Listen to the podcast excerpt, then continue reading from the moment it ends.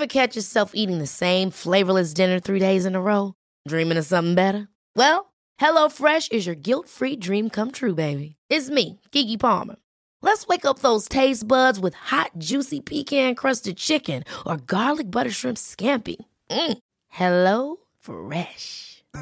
Stop dreaming of all the delicious possibilities and dig in at HelloFresh.com. Let's get this dinner party started.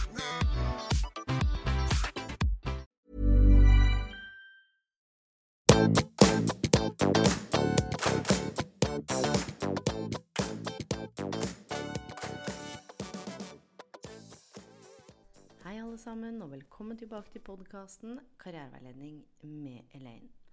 Ukens episode den handler om et tema som jeg vet mange kjenner seg igjen i. Jeg kjenner meg i hvert fall igjen i det, og stort sett når jeg løfter fram temaer, eller sånn som nå spurte på Instagram hva har dere lyst til å ha som tematikk på podkasten, så er det en sånn slags rød tråd, en fellesnevner for all us humans, at dette er noe som berører oss på ulike måter, eh, selv om alle har ulike historier og kanskje måter å stå i ting på eller se på ting på, så var dette en tematikk som i aller høyeste grad gikk igjen, med litt andre ord, men det her handler om at det gamle livet ditt ikke helt passer deg lenger, eller du passer egentlig ikke helt inn i det gamle livet ditt, eller deler av det gamle livet ditt. Og det kan jo være fordi at du har beveget deg videre.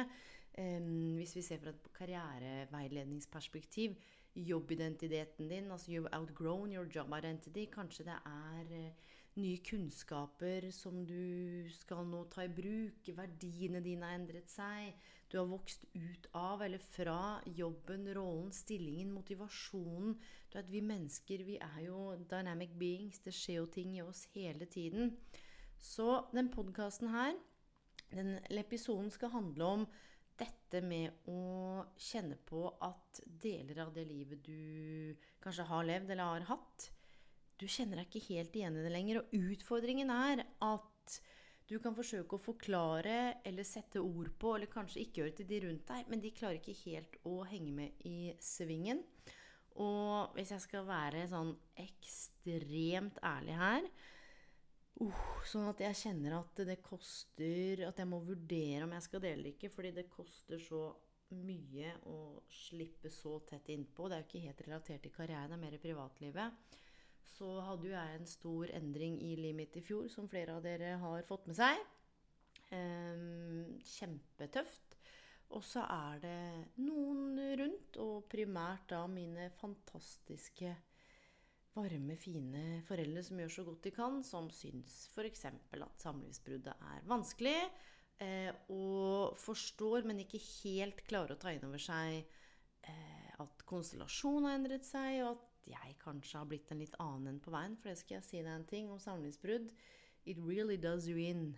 Eh, du må så ned i det mørke og det dype og det vonde og det vanskelige at det påvirker alle arenaer, også jobben. Og en måte for meg å håndtere det på, det har jo faktisk vært å skrive.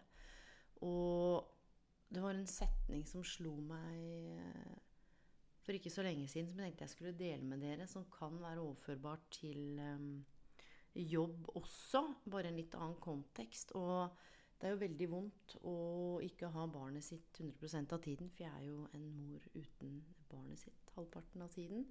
Og så slo det meg sånn her at jeg er redd. Og jeg er redd for at hjertet mitt skal slutte å virke sånn som det er ment å virke. Og nå mener jeg ikke at det skal slutte å slå, men at det knuses og limes sammen og knuses og limes sammen eh, hele tiden. At jeg er redd for at det skal liksom slutte å virke. Så det å skrive noen ganger er kraftfullt, og i det så skjønte jeg at det har jo skjedd en kjempebevegelse i meg på mange forskjellige plan. Så jeg har beveget meg videre, men for å bruke foreldrene mine som eksempel, da, de sitter kanskje litt mer fast, eller they're stuck.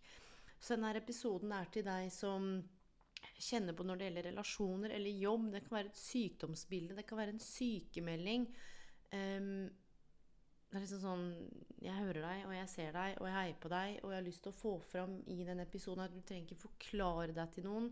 Andre har et bilde av hvem du er, og hvem du har vært i en viss konstellasjon, hvem du har vært i en rolle på jobben, og kan synes det er utrolig vanskelig at du nå skal slutte jobben din og bevege deg videre. og gjør det de kan for å holde deg. Nå gjør ikke foreldrene mine det, men det er sånn Herregud, hvorfor skal du bytte jobb? Hvorfor skal du slutte? Se på lønna di. Se på du har det så bra. Hva er det som går av deg? Men så er det jo sånn, da, at det kommer ofte en tid i alle våre liv hvor det vi kanskje ønsket før, ville ha før, var en del av før, det kjennes ikke riktig lenger. Om det er jobb, karriere, utdanning, det kan være vennskap. Og det å finne motet til å gjøre noe med det, du, det koster av og til så sjukt mye. Kanskje vi har investert tid, krefter, øh, energi, kunnskap i å utvikle oss sjøl i en rolle eller i en relasjon, og så skal man forlate det eller begynne å gjøre endringer i noe man har investert så mye. Så mye altså for, for, folk kan det virke helt sinnssykt. Men det jeg har også sagt før, er at det vi gjør her Vi klapper og heier for hvor lenge man har stått i noe. F.eks.: 'Å, dere har vært sammen i 15 år. Så fantastisk.' Men hvem er det som spør deg du, hvordan, hvordan, er kvaliteten på relasjonen? Eller du har hatt den samme rollen i jobb, eller du har vært på arbeidsplassen din i så lang tid. Gratulerer, her får du en lang gullklokke. Men du, hvordan har du egentlig hatt så det er noe med å se på også, ikke bare hva vi tenker og føler, men hva er det vi er en del av, hva er det vi lar oss påvirke av. Og når vi har noen ting, så veit vi jo hva vi har. Vi veit jo hva vi slipper, men vi veit ofte ikke hva vi får. Og dette er ingen oppfordring til at noen av dere skal verken forlate noen eller bytte jobb eller være helt crazy. Dette er bare ment som en sånn felles human refleksjoner, fordi mange av oss kjenner på forskjellige ting. Og det alle andre mener, det er ekstremt ekstremt viktig for oss, selv om vi later som det ikke er det. Hvis du hadde endt opp aleine et eller annet sted og i prinsipp trengte å overleve for å få mat, så tror jeg ikke du hadde brydd deg så mye om hva slags utdanning du hadde, hvordan håret ditt så ut, eh, om rynkene dine, eller om du hadde rett jobb som ga status, eller karrierestigen. Da det handla om å faktisk overleve, og det hadde gjort litt sånn eh, og mindre avhengig av hvordan du ser ut når du gjør det. Men her kommer noe av kjernen av det å tillate deg å stoppe opp og tåle de følelsene og tankene som kommer opp, og innrømme for deg sjøl at kanskje det har skjedd en bevegelse fra den du var for tre år siden, to år siden, ett år siden, for et halvt år siden. Du, det kan være både skikkelig skremmende og veldig befriende. Fordi hva er det som har endra seg? Hvem er det du har vært tidligere, og hvem er du nå? det der å lage plass til noe nytt, handler det om verdiene dine? Handler det om egenskapene dine? Handler det om eh, ja, rollen din? Det at du vil noe mer, og hvorfor er det du vil noe mer? Så igjen, denne episoden her, jeg skal gi deg noen konkrete refleksjoner. Jeg vet ikke om jeg skal si hacks eller tips, fordi jeg er ikke her for å fikse når det er noe sånn der, oh, almighty guru, bare du gjør dette her, så går det dritbra. Men jeg vil gjerne gi deg noen konkrete refleksjoner hvis du kjenner deg skikkelig støkk, eller er i ferd med å skape et liv som andre ikke forstår, hvor du må forklare karrierevalgene, hvor du forklarer valgene du tar, og hvordan folk behandler deg og snakker til deg som om du var den gamle deg. Kanskje du var en som ble bare overkjørt, som ikke satt grenser, så folk er bare vant til å ringe deg ned. At du står på pinne når de sier nei, så skjønner du ingenting. Eller du har valgt å bevege deg videre for en eller annen rolle hvor det er sånn Ja, men hva skal vi gjøre nå? Herregud, det er klart du må være i den rollen. Du kan jo bevege deg videre. Hva skal vi gjøre? Istedenfor å stoppe opp og reflektere over da Når du er i møte med andre, så er det en sånn liten hack. Legg merke til å være nysgjerrig på når den andre er kritisk til eller ikke forstår hvem sine behov er det de egentlig ivaretar. Så hvorfor vi ofte beveger oss videre, og det kan være sjukt vanskelig å gi slipp. Noen ganger så kan det å bare holde så hardt og tett på det man har, nesten gjøre mer skade enn hva det gjør godt. Så hvis du klamrer deg fast til noe nå som ikke lenger tjener deg, så kan det være at det er på tide å gi slipp. Men dette er det bare du som veit, og det er bare du som veit hva slags narrativer eller indre samtaler du har om hva det egentlig dreier seg om. Om det er bare du også som kjenner på om du nummer, overjobber, scroller deg i hjel, sånn at du skal slippe å ta tak i det som kommer opp. Og jeg skal gi deg noen ting som du kan tenke over hvis du har lyst til å reflektere over hva er det som gjør at jeg helt ikke passer inn i det gamle livet mitt, eller at jobben min nå du bare rett og slett ikke kjennes riktig. Og det kan jo være fordi det handler om at det ikke lenger er relevant. Det kan jo rett og slett være når det gjelder karrieren din, jobben din, eh, utdanning, at du kjenner at du eh, Markedet endra seg, eh, arbeidsmarkedet er i endring, det stilles andre krav, kanskje du har vokst ut av rollen. Det er rett og slett sånn at eh, det du har holdt på med nå, når du kanskje har blitt mer opptatt av bærekraft, eller du har tatt deg en spennende tilleggsutdanning, eller du bare har fått tid til å tenke litt eh, og reflektere i en eller annen ferie sånn Du, jeg syns ikke det jeg holder på med lenger, er så relevant. Det gir meg ikke den meningen jeg gjorde før. Så kan jo det være en viktig cue for deg. Men det betyr ikke at alle andre skjønner at det ikke gir deg mening. Fordi for der hvor jobben fortsatt gir mening for andre, så virker det veldig merkelig at rollen eller arbeidsoppgavene plutselig ikke er relevant for deg. Så det er det første å reflektere over. Skrive ned hva er det som oppleves relevant, og hva er det som, er, eh, hva er det som ikke oppleves relevant lenger. Nummer to noen ganger så er det nettopp det at det er noe som holder oss igjen. Veldig, veldig, veldig ofte, ja, så kan det være andre, men vi kan ikke legge alt ansvaret på andre. Det kan handle om våre egne begrensende overbevisninger. Langt, langt inni oss så har vi en software som ble installert fra når vi ble født. Dere vet vi er født med to frykter. Frykten for å falle og frykten for høye lyder. Frykten for ikke være nok, frykten for ikke være elska, frykten for ikke få det til, frykten for å feile. Alt dette her er noe vi har fått med oss gjennom eh, oppdragelse, skole, samfunnet. Så hvem er det som har installert den softwaren hos deg? Hvor lenge har du hatt det sånn? Og nå er det kanskje på tide å oppdatere, skråstrek oppgradere den beliefen eller den begrensende overbevisningen og det tankesettet ditt. Nei, det er ikke sikkert du får til det du har lyst til å gjøre enda. Men dette her er forskjellen på et låst og et utviklingsorientert tankesett. Der det er utviklingsorientert, så er det 'jeg får det ikke til enda'. Og jeg var med sønnen min i dag på sånn hoppe- og sprettepark, og han klarte ikke å ta løpefart og klatre opp en sånn høy slags sånn trampolinebakke. Så han 'Å, jeg får det ikke til, jeg får det ikke til, jeg får det ikke til'. Så sa jeg, du, Aiden, skatten min, skal jeg fortelle en hemmelighet? Hør nå. Jeg tror deg. Jeg tror på at du ikke får det til, og jeg ser det. Men hva hvis vi bestemmer oss for å tenke og føle om sånn her Jeg får det ikke til enda. Hva betyr det? Så sa han sånn At jeg ikke er stor nok. Ja, det kan det bety, sa jeg. Hva mer kan det bety? At jeg må øve mer, mamma. Og sa Aiden, det høres veldig fornuftig ut dette her er egentlig for femåringer, og du er fire og et halvt, så ikke bare er det det at du ikke er stor nok, men du har fortsatt for, altså du har ikke øvd på dette her. Og hva hvis du øver og du vokser? Ja, da får jeg det til. Så det du har lyst til å gjøre, og det som holder deg tilbake, det er ikke sikkert du klarer å kjenne at du har troa på det enda. Det er ikke sikkert du kjenner at du har troa på at du skal få den jobben du ønska deg, eller få de relasjonene du har drømt om, eller skape deg det livet du ønsker, enda. Men legg merke til hva er det som holder deg tilbake? Hva er det som gjør at du tror at ikke du er nok, at ikke du får det til, at ikke du er klok nok? Undersøk det. Og så er det jo noe med å se på f.eks. i jobben, med kollegaene, med ledelse, med oppgavene. Hva er det som bare ikke lenger funker? Som er på tide å gi slipp? Du, er det arbeidsoppgavene som du har gjort, og du har blitt tatt for gitt over altfor lang tid, men det har bare blitt sånn? Vi går liksom i denne rutinen eller hamsterhjulet, så begynner det å bli vanskeligere og vanskeligere å si ifra. Kan det være det at du kjenner at du har for lite spennende oppgaver, at du har for mye å gjøre? Virkelig kjenne etter nå hva er det som ikke lenger virker for deg. Og det fjerde punktet her handler om legg merke til om det du gjør, koster deg mer enn det det er verdt. Her kommer karrierehelsa inn med bulldoser. Legg merke til hvordan det påvirker energien din, evnen din til å hvile, hvordan du behandler deg sjøl og kroppen din. Legg merke til mening, verdiene dine, om du går på akkord. Legg merke til om du snakker mye om at du skulle ønske at du var på et annet sted enn der du er, og det gapet mellom der du er og dit du ønsker deg, at du bor liksom i det gapet, istedenfor å være her og nå og tenke ok, nå står jeg her, hvordan skal jeg komme meg dit? Legg merke til om det koster deg mer enn det det er verdt. Og noterende reflekterer ja, hva er det det koster deg? En gang så sa jeg opp en fantastisk jobb. Lederstilling. Ja, sjukt spennende. Men vet du hva? Det kosta meg mer enn det det ga meg.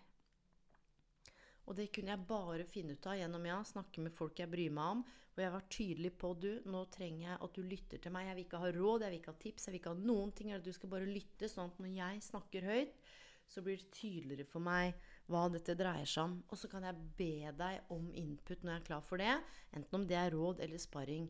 Men en måte å vise meg kjærlighet og respekt på, det er når jeg er tydelig på at jeg trenger å dele noe, så vil jeg at du skal bare lytte. Og i det så fant jeg ut hvordan det kosta meg mer enn det det var verdt. Så jeg har vært inne på det flere ganger, og det punktet handler om hvis noe lenger ikke er i tråd med verdiene dine, fordi dette har vi snakket om også før, mine venner, på podkasten, hvordan vi tar valg. Ikke sant? Vi må jo først bli bevisst, eller vite hva vi står i, før vi kan bli bevisst hva det dreier seg om. Så hvis du skal vite at du f.eks. går på kompromiss med noen av verdiene dine, hvis du er opptatt av bærekraft eller rettferdighet, og du jobber et sted hvor det egentlig ikke er sånn kjempemye, og det er ikke helt krise, men du bare kjenner at det er noe som er gærent. Og det å bli bevisst og gjenkjenne at det er det det dreier seg om, det betyr at da kan du ta de valgene som er riktig og viktig for deg, og da må du velge, da. Du skal velge fra tilknytning, tilhørighet til jobben og bare fortsette, eller om du virkelig skal gå i deg sjøl og snu kameraet innover og tenke sånn Ok, rettferdighet er en av mine viktigste verdier. Her blir vi ikke rettferdig behandla. Sånn kan ikke jeg ha det lenger. Dette her er det jeg har vokst ifra. Så vil folk synes at det er rart, fordi jeg hadde jo aldri sagt noen ting før, og nå kommer du plutselig og skal si et eller annet i det møtet tre år etterpå, eller hvordan man behandler de som sitter i førstelinja, eller hvordan man snakker om kollegaene. Nå skal du plutselig mene noe. Så bare vit at det er ikke alle som klarer å henge med på f.eks. your inner journey. Så du utvikler deg, du reflekterer, du har begynt å gjøre ting. Så er det ikke sikkert du har delt det med noen, og det skal du ikke måtte gjøre heller. Men plutselig så begynner du å ta andre valg, du tenker på en annen måte, du setter grenser på en annen måte. Du skjønner at det er noe annet som er ment for deg. Og det neste punktet her, det handler om å skjønne når det er viktig å bevege seg videre. Det er når ting ikke lenger inspirerer deg. Og det betyr ikke at livet alltid skal inspirere deg, alt er så inspirerende og fantastisk, og du aner ikke. Men over tid, hvis det er noe som ikke lenger inspirerer deg, hvis du kjenner at du rett og slett kjeder deg, eller du liksom ikke takler deg mer, så kan det være et prosjekt hvor du har mista interessen, det kan være noe med jobben din, det kan være en hobby, men du bare fortsetter, for det er det du alltid har gjort. Så stopp opp og sjekk ut hva er det som faktisk inspirerer deg om dagen. Hva er det som ikke inspirerer deg? Og se om du kan se en rød tråd om det har skjedd noe utvikling i, eller bevegelse i deg. Og det neste punktet som er helt sentralt, som kanskje kan være med på å gjøre at du har beveget deg videre eh, og skapt eller er i ferd med å skape et nytt, annet liv. Altså, fordi dette her handler om å være litt sånn i limboland. Og husker dere jeg snakket om at det er ikke endringer i seg sjøl som er det største problemet, men det er det at vi blir propellert i en overgangsfase hvor vi må gi slipp på den vi har vært. Gi slipp på relasjoner, på jobbidentitet, på følelser, på lønn, på status, på alle de tingene vi bærer med oss. For noen som har stått på siden av arbeidslivet en stund og vært sykemeldte, som har hatt det beintøft med å komme inn igjen i arbeidsmarkedet. Noen, eller jeg har jobbet med, sier noen, mange av de jeg jobbet med, har hatt sjukt tøft med å gi slipp på det å være arbeidssøker. Så er det sånn men herregud, er det en identitet man vil ha? Du, det er ikke det det dreier seg om. Men da er det det som har vært trygt, er det det som har vært rammene, så må du gi slipp på den Det å være sykemeldt da, et år, eller det å være jobbsøker, og så skal du plutselig inn og bli en arbeidstaker. Du, da må en jo gi slipp da, på den identiteten en har hatt, på sett og vis. Og da havner en ofte i limboland, litt sånn som jeg er inne på nå, hvor en kan kjenne på at en er en sånn slags limboland før ja, helt det nye deg har kommet på plass. da. Så hvis noe skaper altfor mye stress, da skal jeg dra fram ikke pekefingeren, men pekestokken og si, vet du hva, du har én karrierehelse. Stopp opp og ta puls på den karrierehelsa. Og jeg skjønner at vi må ha penger. Jeg skjønner at vi må ha inntekt. Come on! Det er ikke sånn at nå skal du bare si opp jobben din fordi det koster deg for mye stress. Men legg merke til hva det gjør med deg. Reflekter over om du kan ta noen grep. Fordi det fins godt stress, OK? Au-stress, det er det positive stresset som gir deg skjerpa, gira, du får prestert, du blir produktiv. Og så har du de-stress, altså det stresset kan komme fra det latinske stress, det stramme til, stringere, som gjør at du går og blir helt forknytt. Og vet du hva? Kroppen snakker til deg hver eneste dag, hele tiden. Hva er det som ikke lenger er sunt for deg? Se på hvordan det påvirker det fysiske, emosjonelle, mentale, spirituelle og det sosiale. Se om det er noen Eh, varselflagg der. Sånn at du virkelig nå setter deg ned og gjør en sånn inventory. Og dette er ikke så lett å gjøre aleine. Husk at du kan dele med partneren din, en god venn. Det finnes gratis karriereveiledning på karriereveiledning.no. Du trenger ikke gjøre alt aleine, og du trenger ikke ta kontakt med en karriereleder fordi du skal bytte jobb eller har kjempestore problemer med CV-en din. Det kan være nok å bare si du, jeg lurer litt på om eh, jeg skal bevege meg videre eller ikke. Sant? Så reflekter over om det er noe som skaper mye stress for deg, om det ikke lenger bringer deg glede. Og du, jeg skal bare si én ting, det er ikke alle jobber som bringer deg glede, for å si det sånn. Jeg har hatt, vært noen steder hvor jeg har kjent sånn Ok, hvis jeg må gjøre dette her veldig mye lenger, så kommer det ikke til å gå bra. Og da har jeg bestemt meg for å endre oppdraget eller gå i dialog for å sørge for at det blir en balanse. Så håper jeg at de siste tingene her som jeg skal si At du tar det med deg. Fordi veldig ofte ser jeg i karriereveiledning, når jeg jobber med karriereveiledning, livscoaching mm, eh, Jobber fra ulike perspektiver og jobber veldig eklektisk. Og særlig når jeg jobber i organisasjoner med karriere, så jobber med eh, altså arbeidspsykologien. Um, så er det mennesker som skal ta valg. Vi skal ta valg, jeg og du skal ta valg. Og kanskje du som hører på er 21 eller 40 eller 58. Legg merke til hvilken del av deg som dukker opp når du står i kaos eller konflikter eller i en livssituasjon hvor du veit at du må ta noe valg. Er det voksne, oppegående deg? Eller er det den 17-åringen som ikke ble sett? Eller er det den 13-åring gamle jenta som ble ledd av? Som tenker at 'herregud, jeg er ikke verdig'. Legg merke til hvilke deler av deg og alderen på de delene av deg som legger merke til den indre dialogen du har når du skal ta valg. Si sånn 'Herregud, hva er det du tenker på? Skal du bytte jobb i en alder av 57? Kan du bare glemme?' Eller du Nå har du allerede begynt på en utdanning og gått et år, du er 22 år, skal du drive og bytte? Så sjukt skamfullt å drive og bytte. Alle andre får det jo til. Eller deg som står utenfor og tenker sånn ja, men jeg kunne egentlig tenke meg å starte for meg sjøl. Jeg sier folk starter for deg sjøl. Du har jo ikke vært i jobb på fire år. Hva er det du driver med? Legge merke til den indre dialogen din. Du, du veit at du fortjener å ha det godt. At du fortjener å gjøre noe som ikke nødvendigvis gjør deg lykkelig, men hvor du kjenner iver. Det er forska på at en av de viktigste følelsene vi kan ha, det er ikke lykke, men det er det å være ivrig. Det å være opptatt av noe. Det kan jo være at det er en hobby, det trenger ikke være en jobb.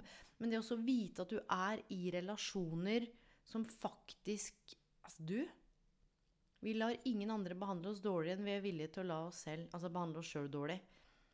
Og så er det litt sånn du får ikke det du fortjener, men det du tolererer. Så når folk maser på deg hele tida om å bake kake, om å stille opp Setter du grenser? Sånn, vit at du fortjener å ha det godt.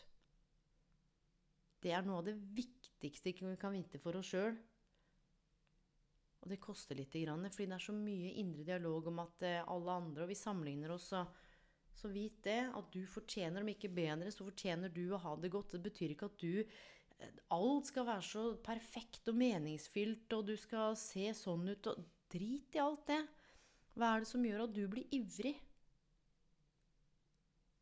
Og du fortjener å stoppe opp lite grann, fordi når vi har det vondt når vi scroller, så er det sånn Hvorfor scroller du? Hvorfor shopper du? Eh, workaholic. Hvorfor jobber du for mye? Noen som ruser. Hvorfor ruser du deg så for mye? Som, hvorfor gjør du det? Hvorfor gjør du det? Du, det er jo for å unngå et eller annet. Så istedenfor å spørre hvorfor scroller du, hvorfor jobber du deg i hjel, så Hva er det som gjør at du har det vondt? Da får man muligheten til å utforske hva det dreier seg om. Så til deg som er en workaholic som jobber og jobber og jobber og aldri har lyst til å stoppe opp fordi du er redd for hva som skal dukke opp Why the pain? Hva er det du løper fra? Vit at du veit når du er klar for forandring, men det er ikke sikkert at de rundt deg er klare for endringen. Og det er jo her klinsjen ofte er. Så du kjenner at du er skikkelig klar for å gjøre en endring, og nå er det på tide å gi slipp på det som ikke lenger tjener deg. Endringer kan være sjukt skumle fordi vi blir propellert inn i det psykologiske. ikke sant? Vi må i slipp, så blir vi limboland. Og når vi takler å stå i limboland en stund og tåle oss sjøl følelsene de rundt, som kanskje har lyst til å trekke oss ned eller ikke heier på oss Det er hør nå, det er mange som også elsker endringer, hvor folk heier på de, hvor de kjenner at de gir kraft og styrke. Det fins det perspektivet også, men da må du rigge deg til sånn at du har noen du stoler på, som kan heie på deg, stille deg de gode spørsmålene, som kan støtte deg. For hvis du føler deg stuck, finn ut hva som holder deg tilbake, og så kan du se litt hvor livet tar deg. Vi vil ha kontroll på all kontroll på tankene, vite hva som skjer, planlegge. Sannheten er at vi kan jo ikke planlegge for noen ting. Jeg ante jo ikke hvordan det var med et samlivsbrudd, jeg. Og med barn. Og hver dag så går jeg med dårlig samvittighet som jeg jobber med. Hver dag så er jeg heartbroken. Jeg må jobbe med det. Det er masse ting og følelser som dukker opp som jeg aldri har kjent på før. Som jeg må jobbe med. Og så er det sånn, noen ganger så er det på tide med noe nytt. Og det er akkurat der. Det kjennes dritskummelt. Kanskje det at du hører på den podkasten Det er akkurat der du skulle være nå. Kanskje det er en mulighet til å utforske en tanke, en følelse. Starte en ny interesse. Slutte med noe som ikke er for deg lenger. Finne ut hva som holder deg tilbake. Bestem deg for én ting du skal slutte med i dag, som ikke tjener deg lenger. Bestem deg for én ting som gir deg glede, eller noe som du kan fortsette med. Og én ny ting du har lyst til å gjøre for deg sjøl. Om det er å våge deg å se på Finn og Nav etter jobber, eller våge deg på LinkedIn, eller begynne på den gåturen du har drømt om, eller si ifra til partneren din at du ikke setter pris på å bli snakka til på den måten. Kanskje sette én grense. Si nei når du mener nei, fordi kroppen vår The body keeps the score. Kroppen vår merker når vi lyver til oss selv, når vi tar valg som ikke er i tråd med det vi egentlig vil, når vi ikke er autentiske. Og det er greit, for dette har jeg snakka med willingly compromise. Ikke sant? Jeg gir litt, du tar litt, vi finner en balanse. Og self-betrayal. Det er når du lyver til deg selv og går på akkord fordi kroppen din trekker seg sammen, og den blir strammere og strammere, også derav stress. Stress, negative tanker, stressende tanker, tankene du, det påvirker kroppen vår, vi blir anspente, og så begynner vi å tenke om det vi føler, og så føler vi om det vi tenker, og så har vi det gående, og så lurer vi på hva som er galt med oss. Det er ingenting galt med deg. Vet du hvorfor livet er vanskelig noen ganger?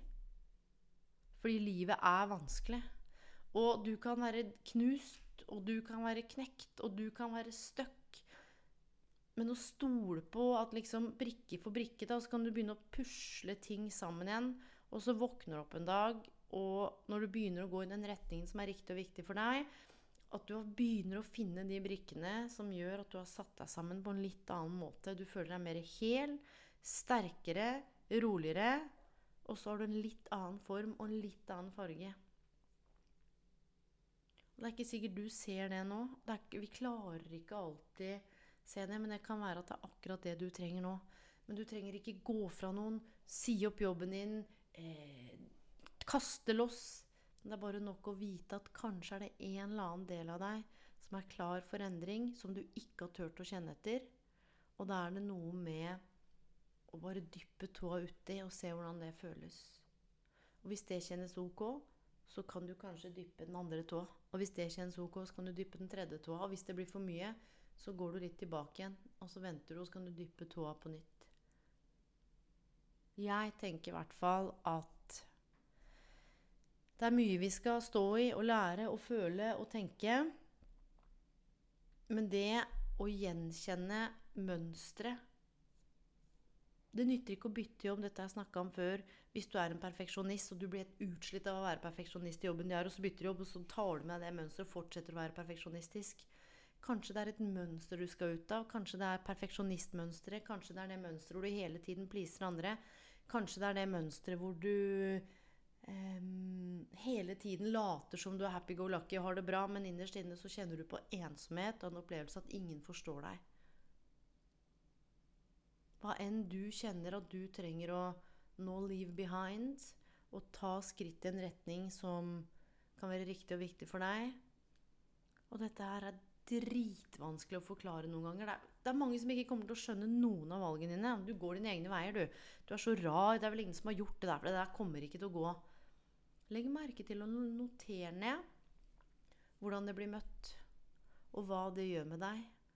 Og det siste hack eller tipset jeg vil gi, vær nysgjerrig når andre deler sine tanker og refleksjoner om livet ditt og hva du gjør, og hvordan det blir vanskelig eller dumt for de, eller det er sikkert ut av kjærlighet. Men jeg har møtt folk jeg, som har lurt på sånn, hvorfor gjorde du det. det er, man må jo ikke gjøre det. Det er jo utrygt å ikke ha fast jobb, f.eks. Utrygt for hvem? For meg? Eller for deg? Nei, nei, men alle skjønner at det er viktig å ha fast jobb i dagens økonomi. Se på renta, se på Hvem er det du snakker til nå, egentlig, kjære medmenneske, som står og snakker til meg? Er det for min del? Ja, jeg vil jo ikke at du skal gå konkurs, liksom. Eller vil ikke at det skal gå dårlig med deg. I hvilken grad er du opptatt av trygghet da, min venn? Ja, det er jo det viktigste. Men spør du meg, så er jeg opptatt av variasjon, utvikling. Og verdiene mine har endra seg igjen. Ansvar er nå min aller øverste verdi. Det å ta ansvar for eget liv, ansvar for hvordan jeg responderer i situasjoner, ansvar for hvordan jeg forholder meg til andre. Og så er det dybde. Alt er så overfladisk, og det skjer så fort. Men det å våge å dypdykke i seg sjøl, i, i, det å lese, i det å tåle å bruke tid på dypdykket, så er det mot, nærhet, ærlighet. Så kommer kreativitet, du veit, utvikling, læring, medmenneskelighet. Altså alle disse tingene her. Jeg har skjønt at det er ingen andre som kan ta valgene for meg. Og noen ganger skal jeg ønske at noen sa til meg du, hvis du tar det valget der, så er det dritbra. Hvis du blir i den relasjonen, så skjer det. Hvis du gjør det Og så kan jeg bare fraskrive meg alt ansvar. Men da hadde jeg mista all autonomien. Og vet du hva? Det fins ulike personlighetstrekk, og noen av personlighetstrekkene syns det er helt forferdelig å ta masse valg. Og noen trekk elsker de masse frihet. Så det handler litt om hva slags personlighetstype vi er, hva, hva vi foretrekker. Så dette er ganske komplekst. Men jeg hadde lyst til å ta det opp, fordi det er så mange av dere som skriver til meg at dere er stuck. Og det er mange som skriver at du har liksom starta å komme deg Starte et nytt liv. Men det er sjukt vanskelig for de rundt, fordi de slår an de samme vitsene og prater om gamle dager og tror det er den du var for to-tre år sia, når du egentlig er i ferd med å bli en annen en. Så du syns ikke de gamle vitsene er så morsomme, og du syns ikke de samme arbeidsoppgavene er like spennende, eller visjonen til selskapet, og du syns at det det dere holdt på med i den relasjonen, det gir deg ikke så mye lenger. Så det er jo noe med å sette ord på ting òg, da. Ikke bare forlate ting og forsvinne, men liksom virkelig snakke med de rundt òg på en sånn måte at hvis du er i en relasjon, eh, istedenfor å bare fare av gårde, så sett ord på hva du tenker, føler og mener. Og bare vite at eh, responsen, den eh, kan la seg komme, men det handler ikke så mye om deg. Det handler responsen om den andre og dens kart av verden. Så når det er sagt, mine venner, så ønsker jeg deg en god kveld, en god natt hvor enn du er i verden. Gjerne del den episoden. Eh, du finner meg på Instagram, Elaine underscore Bloom. Takk for at du lytter, takk for at du deler, og takk for at du er deg. Og husk at det er ingen andre som kan leve livet ditt enn deg, uansett om du er i jobb, står utenfor jobb, har vært sykemeldt, eh, kjenner at alt er eh, håpløst. Det er å bare dyppe tåa. Og det kjennes så latterlig ut å si, for bare det å dyppe tåa kan kjennes helt vilt. Iallfall bare det å løfte beinet. På gjenhør, mine venner.